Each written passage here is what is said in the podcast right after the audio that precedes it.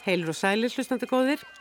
Íslenska jólabókaflóðið á auðvitað hug okkar allan í þættinum orðum bækur nú um miðjan november. Við missum samt ekki alveg tengslinn við umheiminn. Undir lokþáttar ætlar Fríða Ísberg, já, einmitt ljóðskáldið og smásagnahöfundurinn sem tilnæmt var til bókmyndavellunar Norðurlandarás, en hún ætlar að flytja fyrsta pistilsinn af þremur um tilnæmningar til mann búkervellunana sem aðfend verða eða þannig þann 19. november næstkomandi. Því má ætla að síðasti pistil Fríðu fjalli um vellunabókina. Í brennitepli þáttarins verður hins vegar íslenskur höfundur sem í vikunni sendi frá sér sína 13. skáldsögu, mikla sögu um margt fólk að reyna sig við haminguna. Það mikla hreyfiafl sem er á stöðugri hreyfingu og elur þar með af sér tregan sem svo oft er sungið um í dægur tónlist sem svo er kölluð. En er kannski beinlinis síkild í því eðlið sínu að umvefi okkur hugga og síðast en ekki síst kalla fram minningar. Við ræðum við Jón Kalman Stefánsson um skáldsöguna Fjárvera þín er myrkur eftir korter. Fyrst fram á pall er hins vegar skáldkona sem margir tekja en margir tekja líka ekki. En það er hún ekki við eina fjölina felt.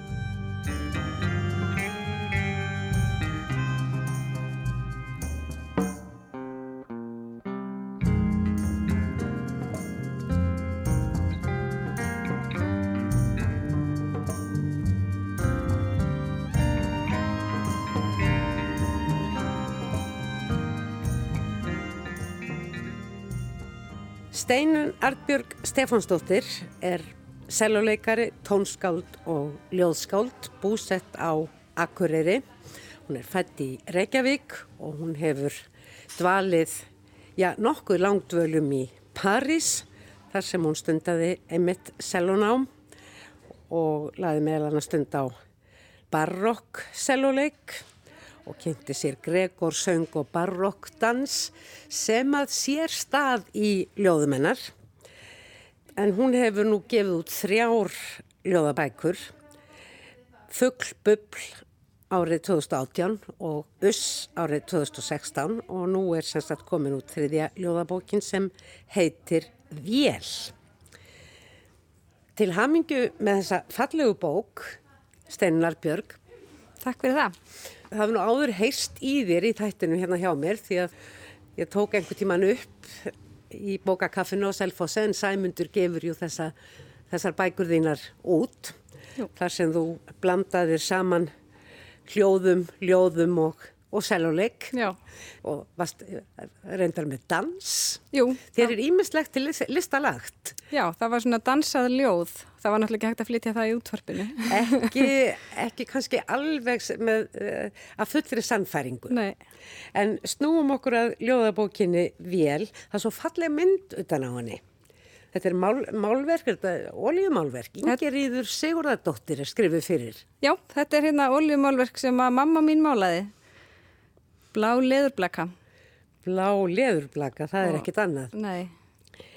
En þessi bók hún skiptist í fimm kabla, ljóðavél, fornvél og síðan kemur lamúr og síðan ástinn pluss og vetur. En fremst fer ljóðið Marianíki sem að virðist fjalla um góða vinkonu sem að er upprunnin á fjallægum slóðum. Byrjaðu á því að segja mér aðeins frá þessu ljóði. Kanski ættir við að lesa það bara fyrst. Svo hlustendur viti um hvað við erum að tala. Akkurat. Marja Ník. Vina mín í Tóriní sem fættert við bakka fljótsins Kongo. Þú segist feind velja fjari þessum snjó. Og ef þú bara vissir hvernig hann er, hann og þetta hríðarkóf, andaðir þú léttar af feinleik svo miklum að þú getur ekki ímyndaðir hann.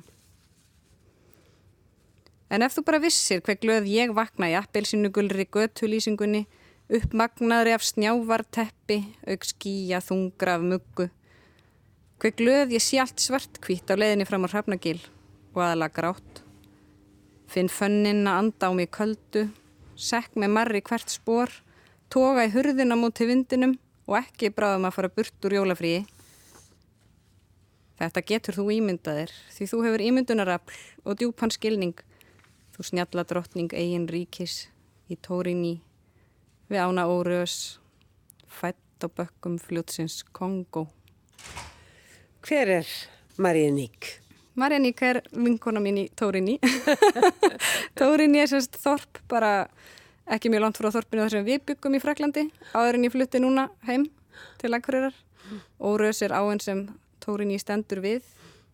Það er nú eiginlega einu útskýringarnar, svo sem Já. landfræðilegar útskýringar sem þarf hérna. En uh, fannst þér þetta ljóð svona einhvern veginn ekki passa inn í neittn af köflunum þannig að þú ákvæmst að setja það svona fremst? Það er ákveðin hverstagsleiki líka í þessu ljóði og, og uh, staðbinding, þú nefnir þarna hrafnagil. Já, það var eiginlega það. Það var að þetta er líka svona ávarp.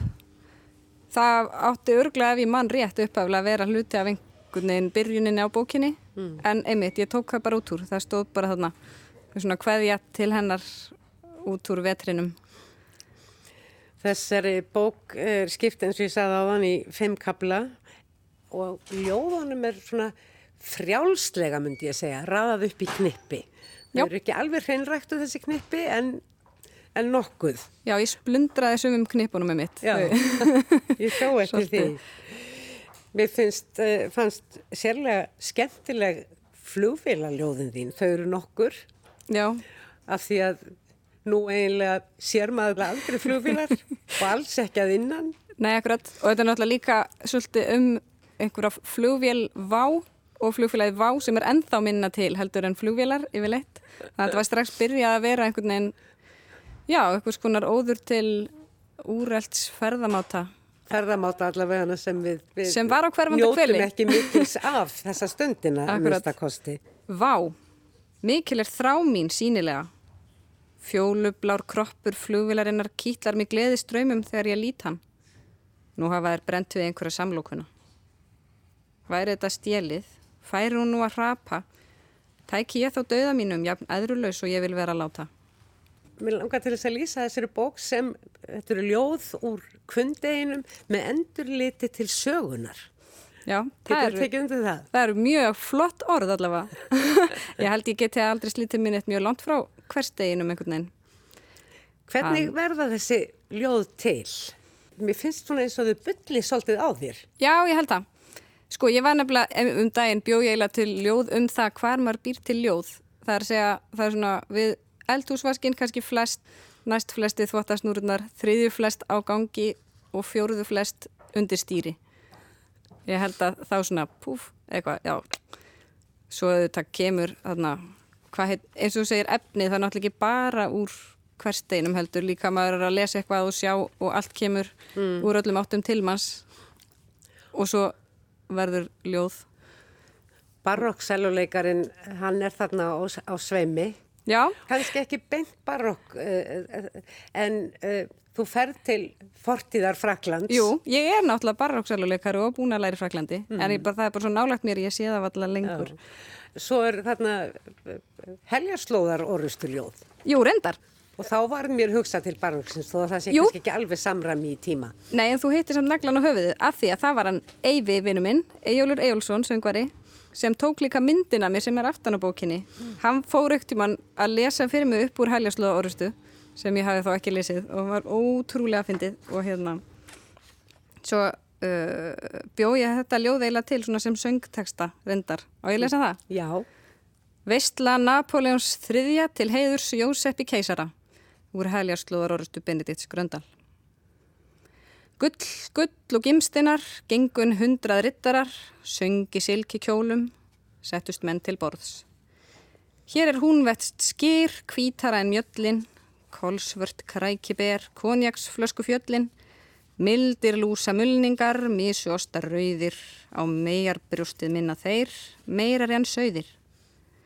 Hentu til mín kveiti brauði, hafstins skonróki, 18.000 æðarækjum undan pottloki. Svo vil ég fá sérri vín, sætust hringaskorðin mín. Efgenja eina, æ vil ég meina vesla þessa hæfi hér, ef hægt það er að þóknast þér. Drekkum okkar dýrust vín, dáfeitt hámum rengi, sultu og séni ver. Vertu ekki vina mín að vila át aftur rengnum, passar hann peli sér. Þú eh, getur nú ekki samfært mig um að þú hefur orð þetta undir þóttasnúrunum og það hefur bara eh, skroppið af vörunðir bara 1, 2 og 3. Þú setur nú eitthvað yfir þessu. Jújú, jú, ég orti þetta viljandi og svo set ég líka yfir ljóðunum. Ég krótaði nú ekki bara að setja svo í bók, ég reyna að vanda mig svolítið. það var svona að lefa tímanum... Hljóðfærarleikari fyrir ekki neitt. Nei, akkurat, lefa tímanum að slípa þetta svolítið. En líka reyndar finnst mér þessi heljarslóðar orðista ótrúlega mikið samtíma verk. Þetta hernar, bröld og ruggl er alltaf sama, alltaf samt við sig. Já, þú ert með nokkur friðarljóð, má eiginlega segja. Já, Þannig, og bara eiginlega stríðsljóð kannski líka. Að herska á friðarljóð. Heimur snýst. Kjánaprygg. Þú vilt berjast. Fyrir frelsi. Mundu bara. Peningarnir eru máttur en sverðið. Þeir eru ást og líf öllu yfirsterkari. Láttu engan senda því fallbissukjafta. Eigðu af silfri allt af nóg og keftu þér atvinnuhermen eða drefstu.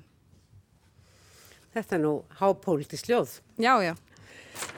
Og svo er það kvennreitnindaljóðin. Þú yrkir um Segulín Royal. Já. Þykir nokkuð til hennar koma þrátt fyrir uh, röttenar Já. og þú yrkir um Beyoncé og Rihanna. Akkurat.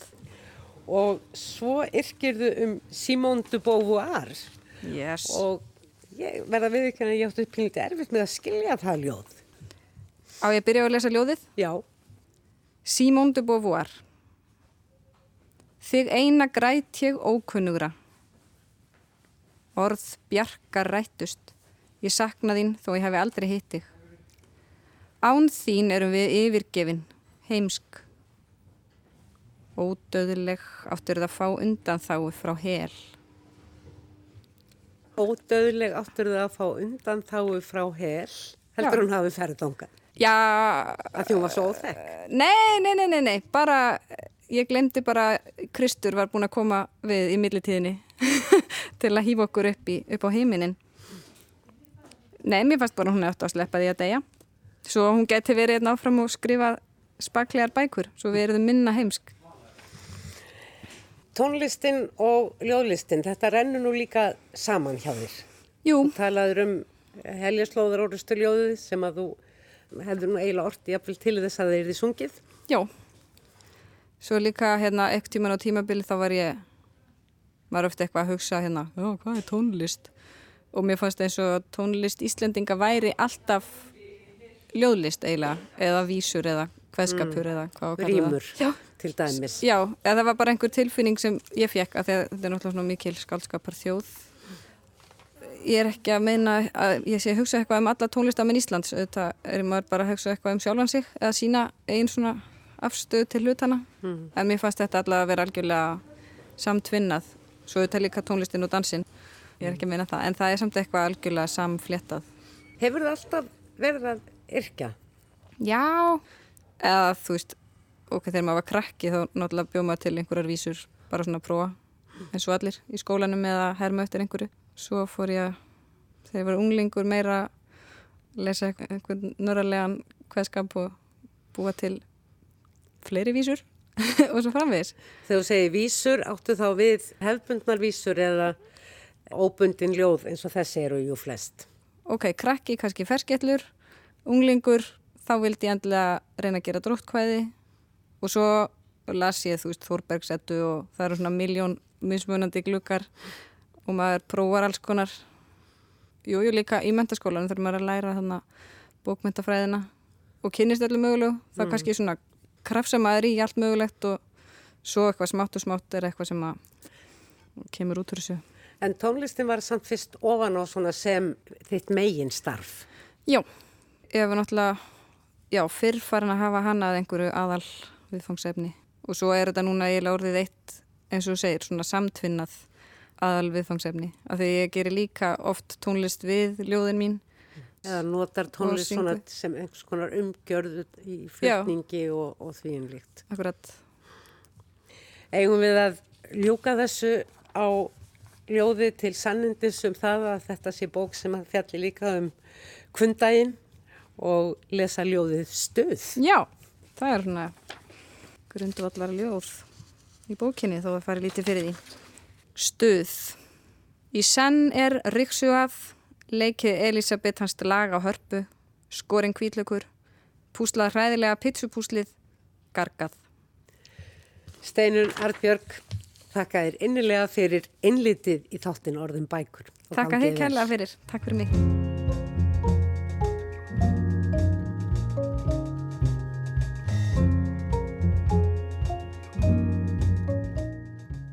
Gamla fólkið sagði að tíminn væri vísa með vondu endarými, segir presturinn með meiraprófið. Vond endarým, gerðdagurinn sem aldrei kom, hlaðin skambisa, regnbógin missir töfra sína þegar við reynum að útskýra hann. Þú finnir ekki undur kossins með því efnegreina hann og það er alltaf mikilvægara að skinja heldur en að skilja. En akkur skrifa þú ekki? Þú verist vera með allt á hreinu. Skrifa þú og ég get skondrað áhyggjulegs í matabóðið fengi mér bjór, rauðvin, ískall brennivin, hlusta á Elvis. Hvað? Sá sem veit allt kann ekki að skrifa. Sá sem veit allt missir hæfileikan til þess að lifa. Því það er óvissan sem drýfur manneskjun áfram. Óvissan, óttin, einsemdin og þráin. Að óglimdri þversögninni. Þú veist ekki margt, það er rétt. En á meðan þú skrifar, sér þið gegnum veggi, gegnum holt og hæðir, Þú sérð hvernig frumennar skipta sér, sérð fósetta bandaríkjana svíkja þjóð sína, heyrir ástarorð kvísluð hinum einn á landinu, eitthvað gráti í öðrum borgarlita, þú sér konuna fara frá manni sínum og þegar maðurinn heldur fram hjá konu sinni. Þú heyrir grát heimsins, þetta er þversögnin, þetta er ábyrðin og þetta er samningurinn. Þú kemst ekki undan því og verður þess að halda áfram. Að skrifa? Já, hvað annað? Skrifaðu og þú kemst í matabóði til heiðurs Páli Otta, Prestlei og lífinu. Skrifaðu og við gleymum ekki. Skrifaðu og við gleymumst ekki. Skrifaðu því dauðin er bara annað nafn ef við það að gleymast. Takk fyrir Jón Kalman að lesa hér örlítið brot úr stóru skaldverki sem að þú varst að senda frá þér Fjárvera þín er myrkur. En eins og við vitum öll, þá er Jón Kalman Stefánsson einn af þeim stóru í skáldsagnagerð samtímans á Íslandi. Og uh, þú ert hér enn og aftur eins og við heyrðum í rauninni að skrifa um manneskuna og það sem að drýfur hana áfram í heiminum.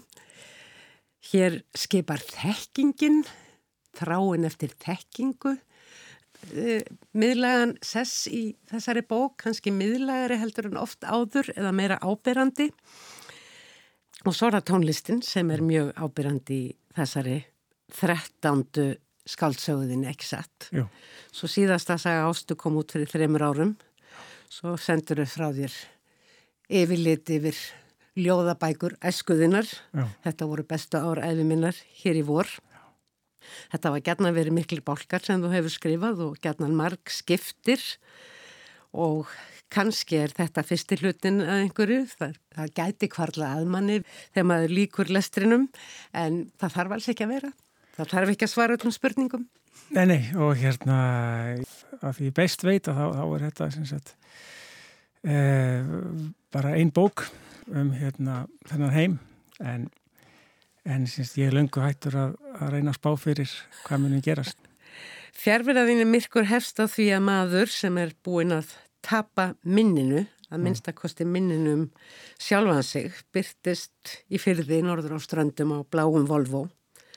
Fólkið í fyrðinum þekkir hann og hann kemst lengst af upp með að vita ekkert hvernig hann þekkir þetta fólk því það þekkir hann svo vel að það veit til dæmis að uppáhaldsbjóðurinn hans er lefe.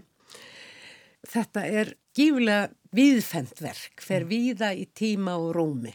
Við erum svo sannlega ekki kyrr í fyrðinum norður á ströndum og á leiðinni hingað upp í útastúsið áðan var ég í hugan að mér reyna að telja saman personarnar og ég konst upp í 20 sem að uh, virkilega við fáum að vita mikið um líf og uh, dauða en svo þegar ég fór að klukka betur í bókina þá komst ég nú að reynum að það voru aðeins fleiri.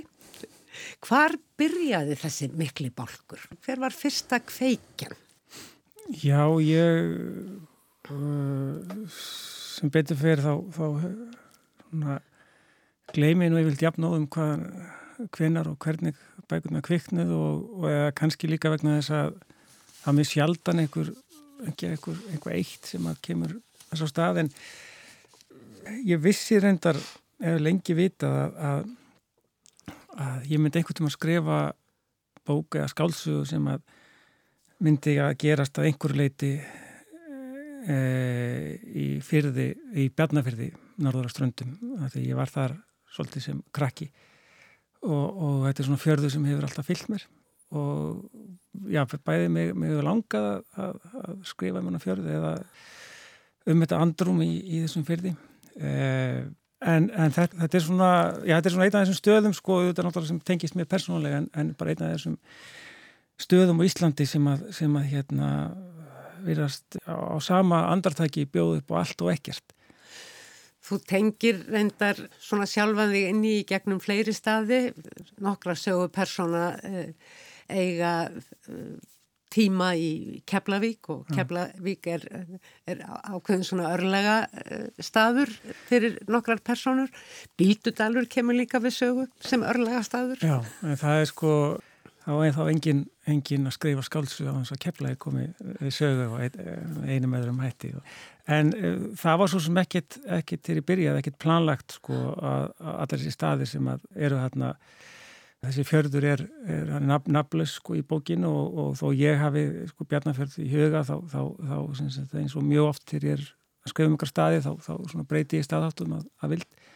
Uh, og uh, aðri staðirnir þeir sagt, bara uh, já þeir eiginlega ekki gáði þessu fram heldur bara personar fóruðangað þannig ég eldi sko eins elsta fortíðasagan það er einn ein saga sko einn af sögunum einn af aðalsögunum gerist á Snæfellsnesi mm. svona fyrir rúmum 100 árum 120 árum. Og það var síns að ekkert planað heldur, heldur bara kom til mín. Og, þannig, og eins þetta sko þegar ég fer til Parísar og Marseille.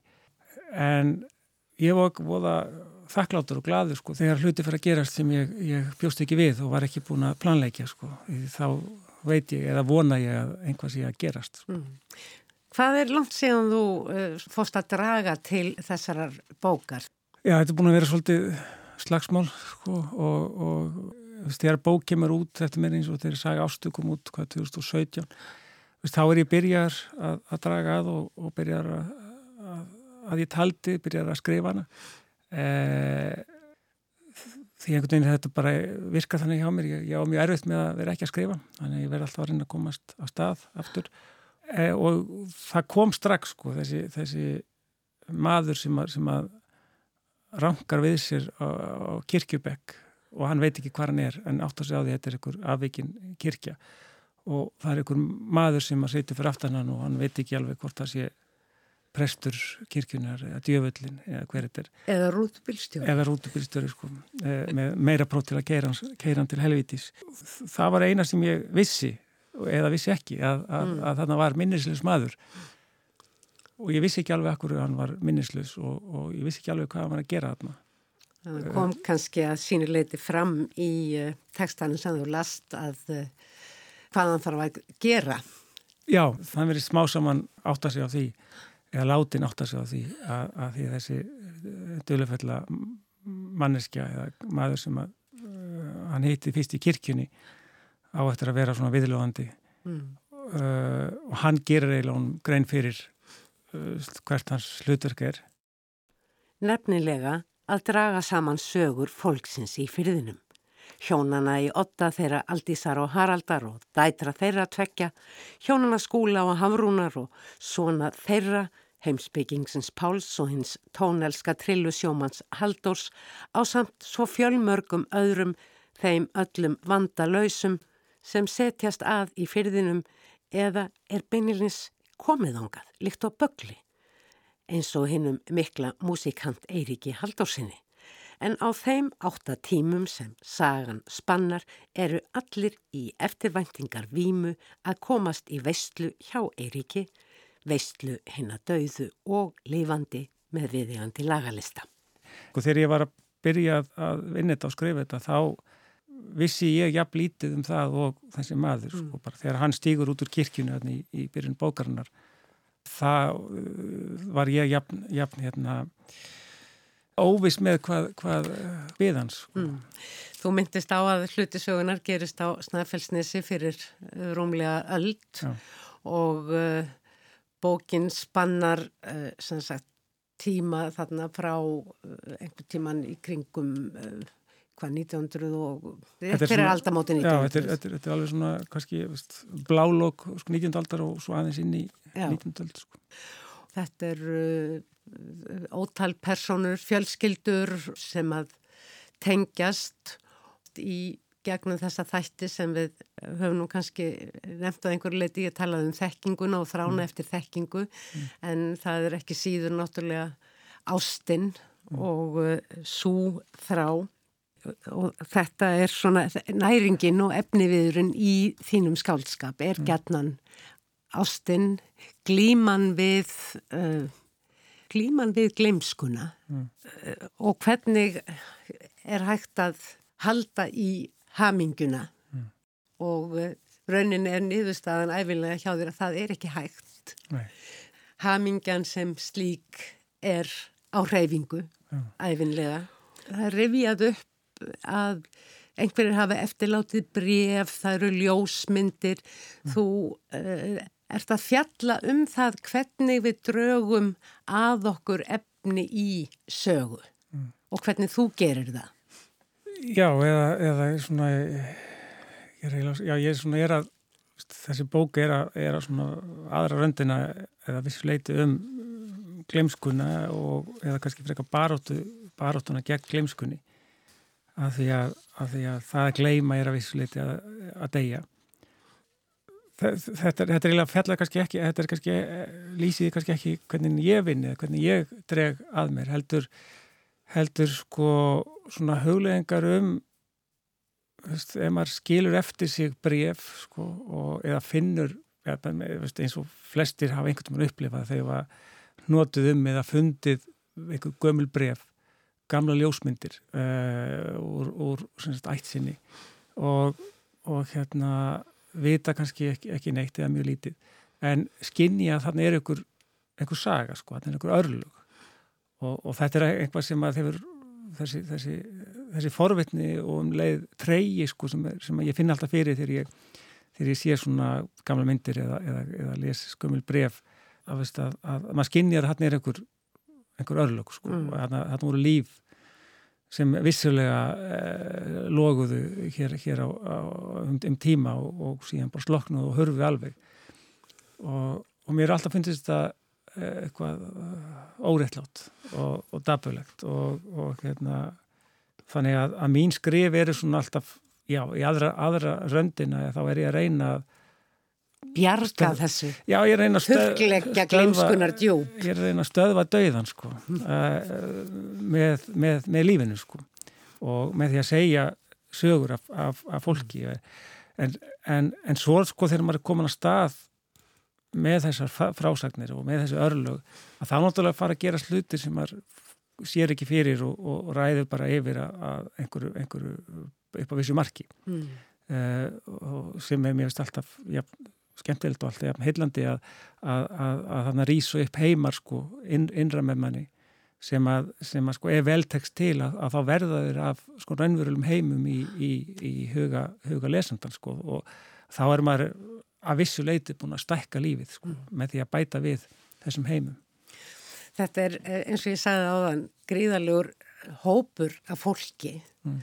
Þannig eru fjölskyldur, aldís og og Haraldur og dætur þeirra tvær, þarna eru Hafrún og Skúli og sinir þeirra tveir mm. og sonarsonur og síðan fólk sem hefur flust í fjörðin eða flust úr honum og svo þessi hjón á heiðinni í mm. uppsölum, mm. Guðrýður og, og, og Gísli, þessi ángi af Snæfellsnesi sem að tengist í gegnum einhvern sem að kemur þaðan og, mm. og, og endar í, í fyrðinum. Mm. Þetta eru upp til hópa góð hjónabönd en tilfinningaróf hverjar mannesku er stort mm. og spannar ekki bara túnið heima, Nei. ekki satt. Og uh, sögur margs af þessu fólki fjalla í rauninu um það hvernig einhvern veginn tókst að íta sjálfu sér eh, út í óhamingu af því það vildi afstýra óhamingu Já. og þetta á ekki síst við um þegar að ástinbera dyrum og fólk er í, er í góðum fórhálum í hjónabandu og fjölskyldu og, og svo framvegis. Drikkjuskapur gegnir líka mjög miklu hlutverki. Já. Það er er sömur sem að fara illa í, á samskiptun sínum við bakkus og undirliggjandi í þessu öllu er kynkvötin.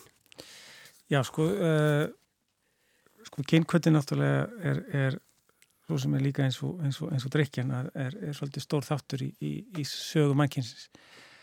Og stóri dómur sem var settur á hérna á, á, á 16. öld og, og var dæmt eftir í tvær aldir, Rómar og var svona eitt af þessum svona stóru fyrirbærum á þeim tíma að hann snýrist engungu um, um hérna kynkvötuna og, og trúabröðun eða kannski enn miklu fremur sko veist, stopnarnir í, í kringum trúabröðun, kirkjan og, og fleira þetta er meira meina snúast um koma böndum um og kynkvötuna hún, hún er svo óbáslega stór þáttur í sögu mannsins og mannkynsins. Og hún er alltaf að hún er svo hamingin ég, ég, þar að segja sko ég, ég minnir í, í bókinu standi einhvers þar að gangi erfilega að láta hamingin að ganga við hæl eins og hund og það er bara enn frekur, enn frekar við sko kynkvötina, hún er, hún er hérna, getur verið óskaplega óþekk.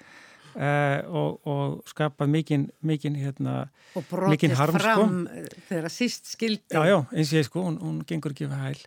En, en, en ég hef alltaf haft áhuga á þessu bara í lífinu að veist, þetta tvent sko, ástinn og, og, og, og kynkvötin uh, stundum uh, rugglust við á þeim sko, og stundum er þetta eitt á sama en við hefum alltaf í gegnum tíðina sko, við hefum alltaf reynd að hólfa það niður eða, eða setja þetta í eitthvað svona öryggishólf og það er alltaf þessi draumur um, um, um eina sönnu ást og þau lefðu hafmyggisum mm. uh, uh, til æviloka sem er dásland þegar það er en það er ekki alltaf sko og þegar þú skoðar mannkinsuguna að þá, þá fellar hún um, um, um styrjaldir og, og, og baráttu þjóða og svo framvegis og framvegis hungursneið og svona.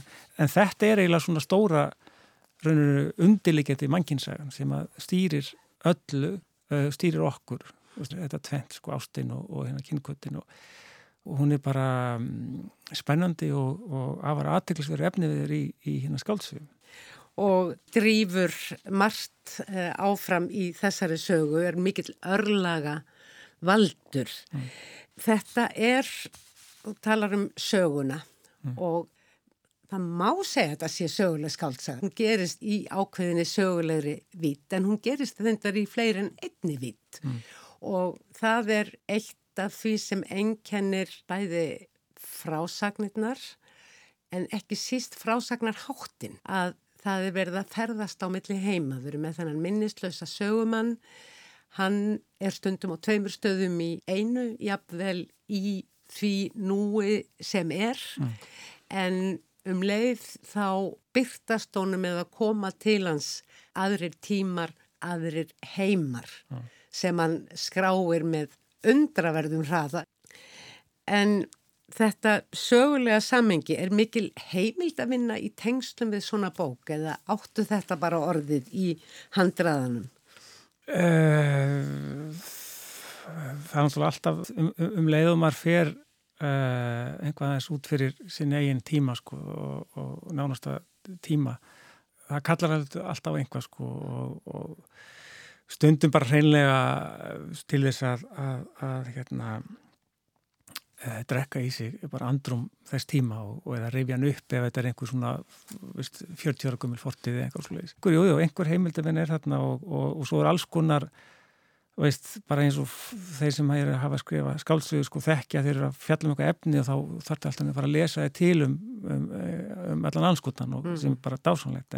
Lesa einhverja skáldsögur sem var skrifið á þessum tíma eða hefði geta verið lesin á þessum tíma? Já, eða bara að, að, að bara alls konar svona veist, smáadrið sem maður mað þarf, þarf að kynna sér en, en sko mesta vinnan við, við þessa sögu Uh, vegna þess að ég, ég var framann að sko jafn óvis og, og, og þessi maður sem að segja söguna eða við ferðumst með eða fylgjumst með og, og það er svona, var þetta mikil svona, mikil glíma mm. mikil til og ótalmarka senur sem að, sem að duttu út sko, Vist, þessi bók er svolítið þykk en, en það, er, það er annað eins sem að, sem að sem var skori burt sko. mm. þetta, það hlóðust, hlóðust að þessu manni endalisvar frásagnir og endalis örlög sko. mm. og, og það er svona eh, bæði eh, sko, hamingin og treygin sko, við það að vera höfundur að, að, að, að þú far tækifæri til að segja frá einhverju, þú far tækifæri til að sko, skapa örlög eða,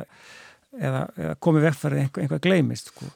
en þú hefur svo takmarkan tíma og mm. það er svo takmarkan sem þú getur sagt frá Og, og þú leikur þér svolítið með það í, uh, til dæmis í sambandi við Örlög Haldós Já. að þú svona uh, þú breytir um gefur honum svona möguleika á ymsum sögum og, og ákveður svo eina eða, já.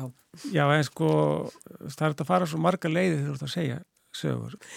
Við getum nú ekki sagt skili við þessa bók sem við höfum nú bara rétt aðeins tæft á í þessu samtali Jón Kalman því að það væri óðsmanns æði að ætla sér að, að segja söguð frá því ég verð bara að segja lesiði bókin og gefið ykkur tíma til þess.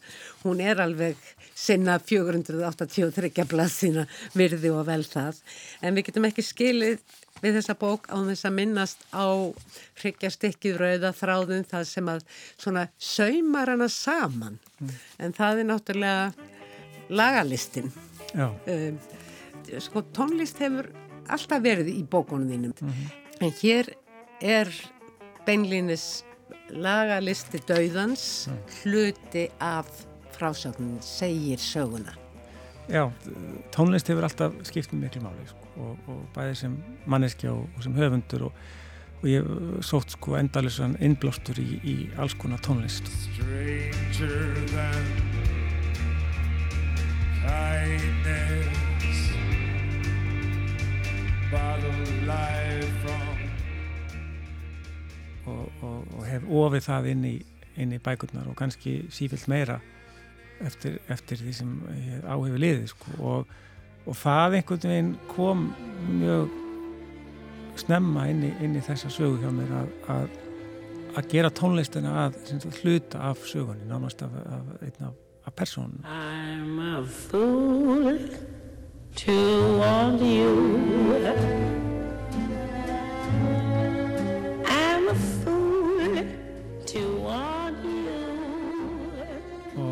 sem var, var mjög gaman bara líka að, að velja lögin sko og, og stundu valdi maður eftir smekk og stundum var að út, af, uh, út frá karakternum eða, eða, eða atbyrðunum og, og ég var að vonast eftir og mér fannst það svona pínlítið að, að það, það sem sagt uh, vikkaði uh, sögurnar, það, það vikkaði bókina mm. og gæfi henni sko nýja vít sko þannig að það verður bæði bæði vegna þess að það voru ákveðin línur eða hughrif í, í músíkinni sem að, sem að, sem að uh, hafi beina áhrif eða sett henn á, á, á nýjar, nýjar slóðir. En, en svo er þetta líka bara þessi það, að, uh, maður er, svona, er að vinna með og minna á að sko, tónlist síðustu svona, veist, 40, síðustu 40 árin eða 50 árin að þá er tónlistan uh, skipt svo miklu máli í okkur dagla lífi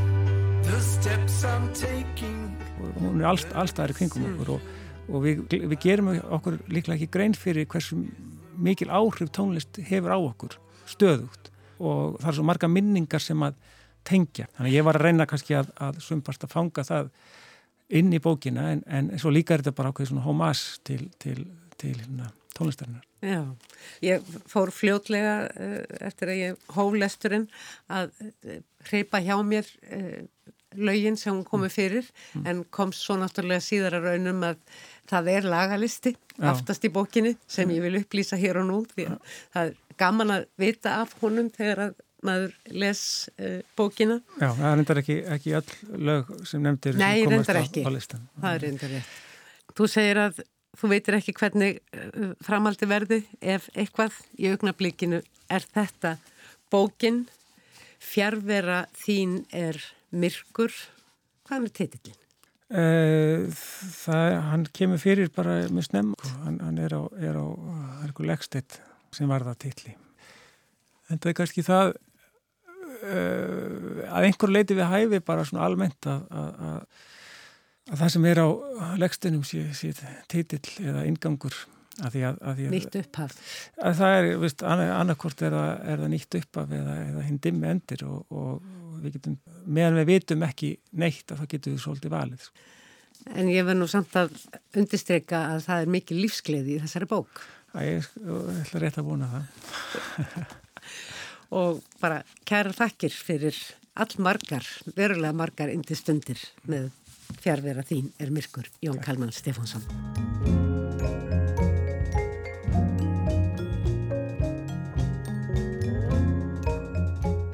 Það er komið að fyrsta pistli Fríðu Ísberg um mann búkervelunin 2020. Frá stopnun mann búker verðlunana árið 1969 var kríterija dómnefndarinnar einföld. Að verðluna árlega bestu skáldsöguna á ennskri tungu en hún þyrti að vera skrifuð af ríkisborgara frá Breska samveldinu, Írlandi eða Zimbabwe. Breska samveldið eða The Commonwealth telur hvorki meirann í minna en 54 fullvalda ríki eða þau lönd sem áður tilherðu Breska heimsveldinu og breska heimsveldið var ekki kallað heimsveldi að ástæðu lausu meðal þessar landa eru Indland, Níkeria, Kanada, Ástralja og Nýjasjóland, Bangladesh, Ghana, Jamaica, Kenya og Mosambík svo eitthvað sem nefnt. Þann 18. september 2013 varð hins vegar breyting á. Allar skáldsögur skrifar á ennskri tungu kæmu hér með til greina, svo framlega sem það eru gefnar út í Breitlandi. Þessi ákverðum reyfði miklum mótmælum. Breska bókmynda Eldan var ekki alls kostar sátt við að bandaríkjumenn getur höft hnossið með sér heim. En þetta nýja viðfeðmi hefur bara aukið vægi viðkenningarinnar ef eitthvað er.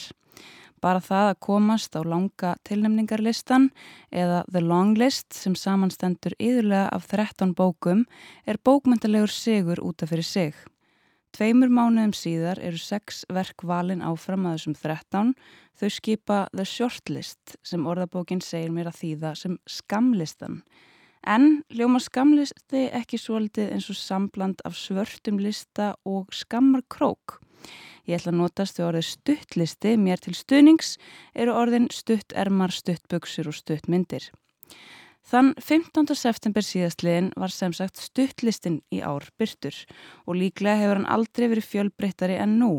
En það eru við mitt í bókmyndilegri bylgu og það er bylgja markbreytileikans. Í hennum vestræna bókmyndaheimi hefur markbreytileikin aldrei fengið jafn sterkan meðbyr og nú. Útgefundur keppast um að finna nýjar áhugaverðar rattir sem ekki hafa heyrst áður.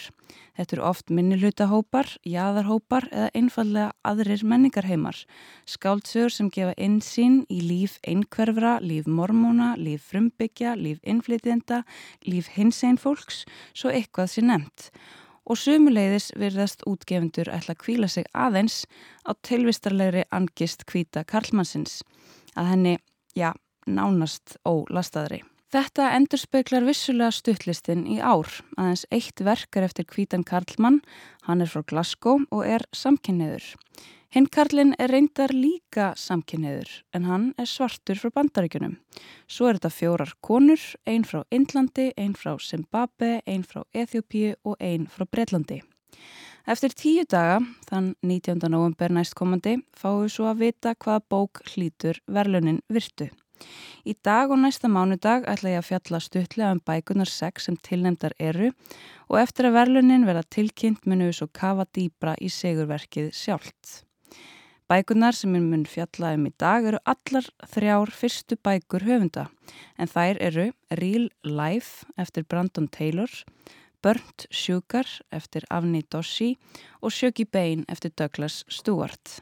Fyrsta bókin sem ég las var Real Life eftir Brandon Taylor sem fjallar um Wallace, svartan samkynniðan háskólanema sem býr í ónemdu miðvesturíki í bandaríkunum. Hans aðalvinna í náminu fælst í því að sitja á rannsóknarstofunni og rækta ör smáa orma. Í byrjun bókar er hins vegar margra mánað að vinna farin í súgin þegar Valas sér að gerðla þyrpingin er hálf döið, hálf deyjandi. Vinnu og tímatjónið svíður og hann ákverði að fara út af vatninu til að hitta vinahópin sinn úr skólanum. Fadir hans er ný dáin og Valas mætti hvorki jarðaföruna nýssagði sálu frá því.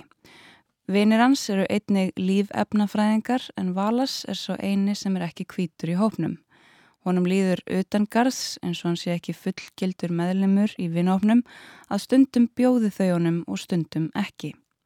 Við borðið setur Miller, strákur sem Valas hefur óbeitt á eftir rasiska aðtöðsend í tíma nokkrum mánuðum fyrr. Þetta breytist hins vegar í kvöld þegar Miller þarf á óvæntri hjálpa halda inn á klósettinu og eitthvað kviknar á millera. Miller segist ekki vera fyrir stráka en samt fyrir hann heim með Wallace. Bókin spannar heila helgi frá förstu degi til sundas kvölds og þó svo að takturinn sé hægur og Wallace krefji samskipti, dýnamík og aðstæður af jafn mikillir nákvæmni og ör ormana, lasi bókina eins og spennandi ástar Róman. Ég varð að vita hvort Wallace og Miller myndu enda saman eða ekki. Thematist fjallar bókin þó um hverstagslegan rasisma og arf ofbeldis, hvernig þólandi verður gerandi annar staðar. Vales og Miller koma báður úr sári fátækt og stunda nám sitt með hjálp skólastyrkja og þekkja báður ofbeldi af eigin raun. Stílinn er kaldur og fjarlægur eins og Valas sjálfur. Mér finnst margt flott í þessari bók en sumt full bandarist. Kynlífssenurnar eru stundum eins og kynlífsfantasíur og dramað er sápulögt á köplum. Næsta bók sem ég las var Burnt Sugar eftir Avni Dossi. Sagan á sér staði borginni Púnei í Indlandi og fjallar um maðgnasambandið millir Antöru sem er sögumæðurinn og Töru móðurinnar sem er heilabilun.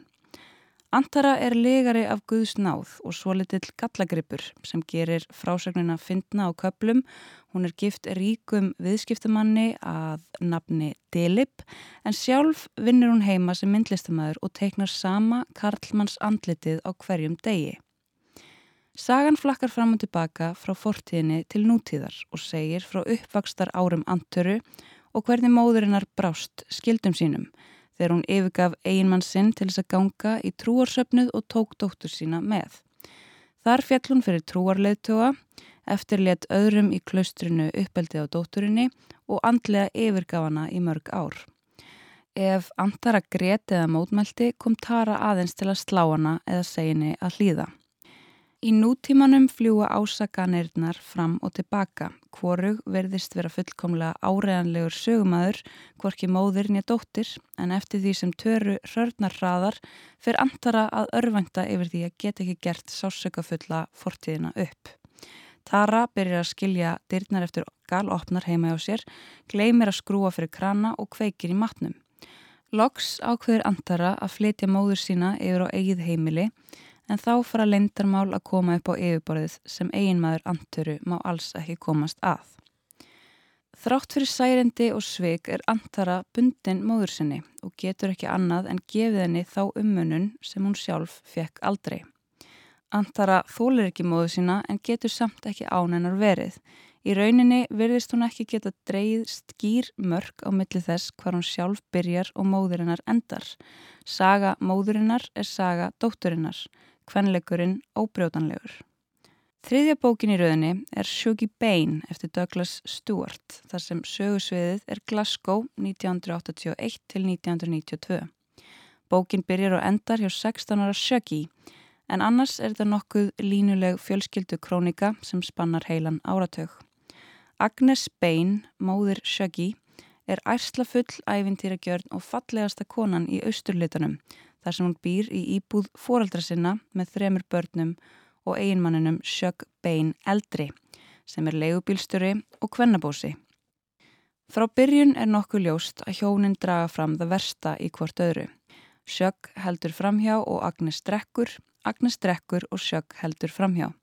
Margrét Thatser er nýkjörinn fórsetisráðara Breitlands, það er efnahagskreppa, þrjár miljónir manns eru án atvinnu og bróðurpastur þeirra verkamenn. Kólaeðinaðurinn er að rinja og einmitt þarna á hver sjögg eldri að flytja með fjölskylduna í niður nýtt kólanámikverfi fyrir utan borgina þar sem nöturleikin, slúður og beturð ræður ríkjum. Á svipum tíma er fólk byrjað að taka eftir því að sjöggi bein yngri, þá sex ára, er ekki alveg nógu strákalegur. Hann leikur sér með dúkkur og dillir mjöðmönnum of mikið þegar hann gengur.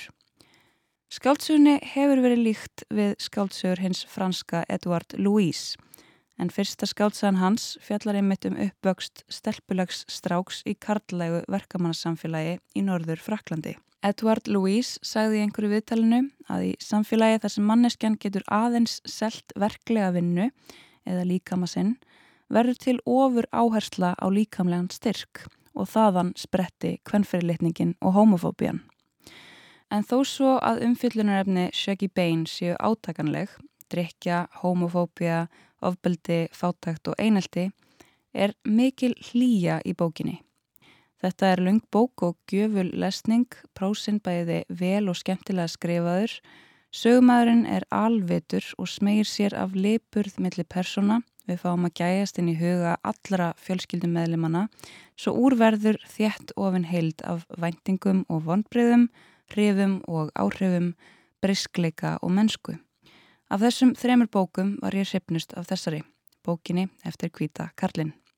Í næstu viku mun ég fjalla um setni þrjár bækurnar af stuttlistanum en það eru This Mournable Body eftir Tsitsi Dangaremka, The Shadow King eftir Masa Mengiste og The New Wilderness eftir Diane Cook. Bless þanga til. Fleiri verða orðum bækur ekki af þessu sinni. Tæknimaður var Úlfildur Eistinsdóttir. Takk fyrir að hlusta. Verið sæl.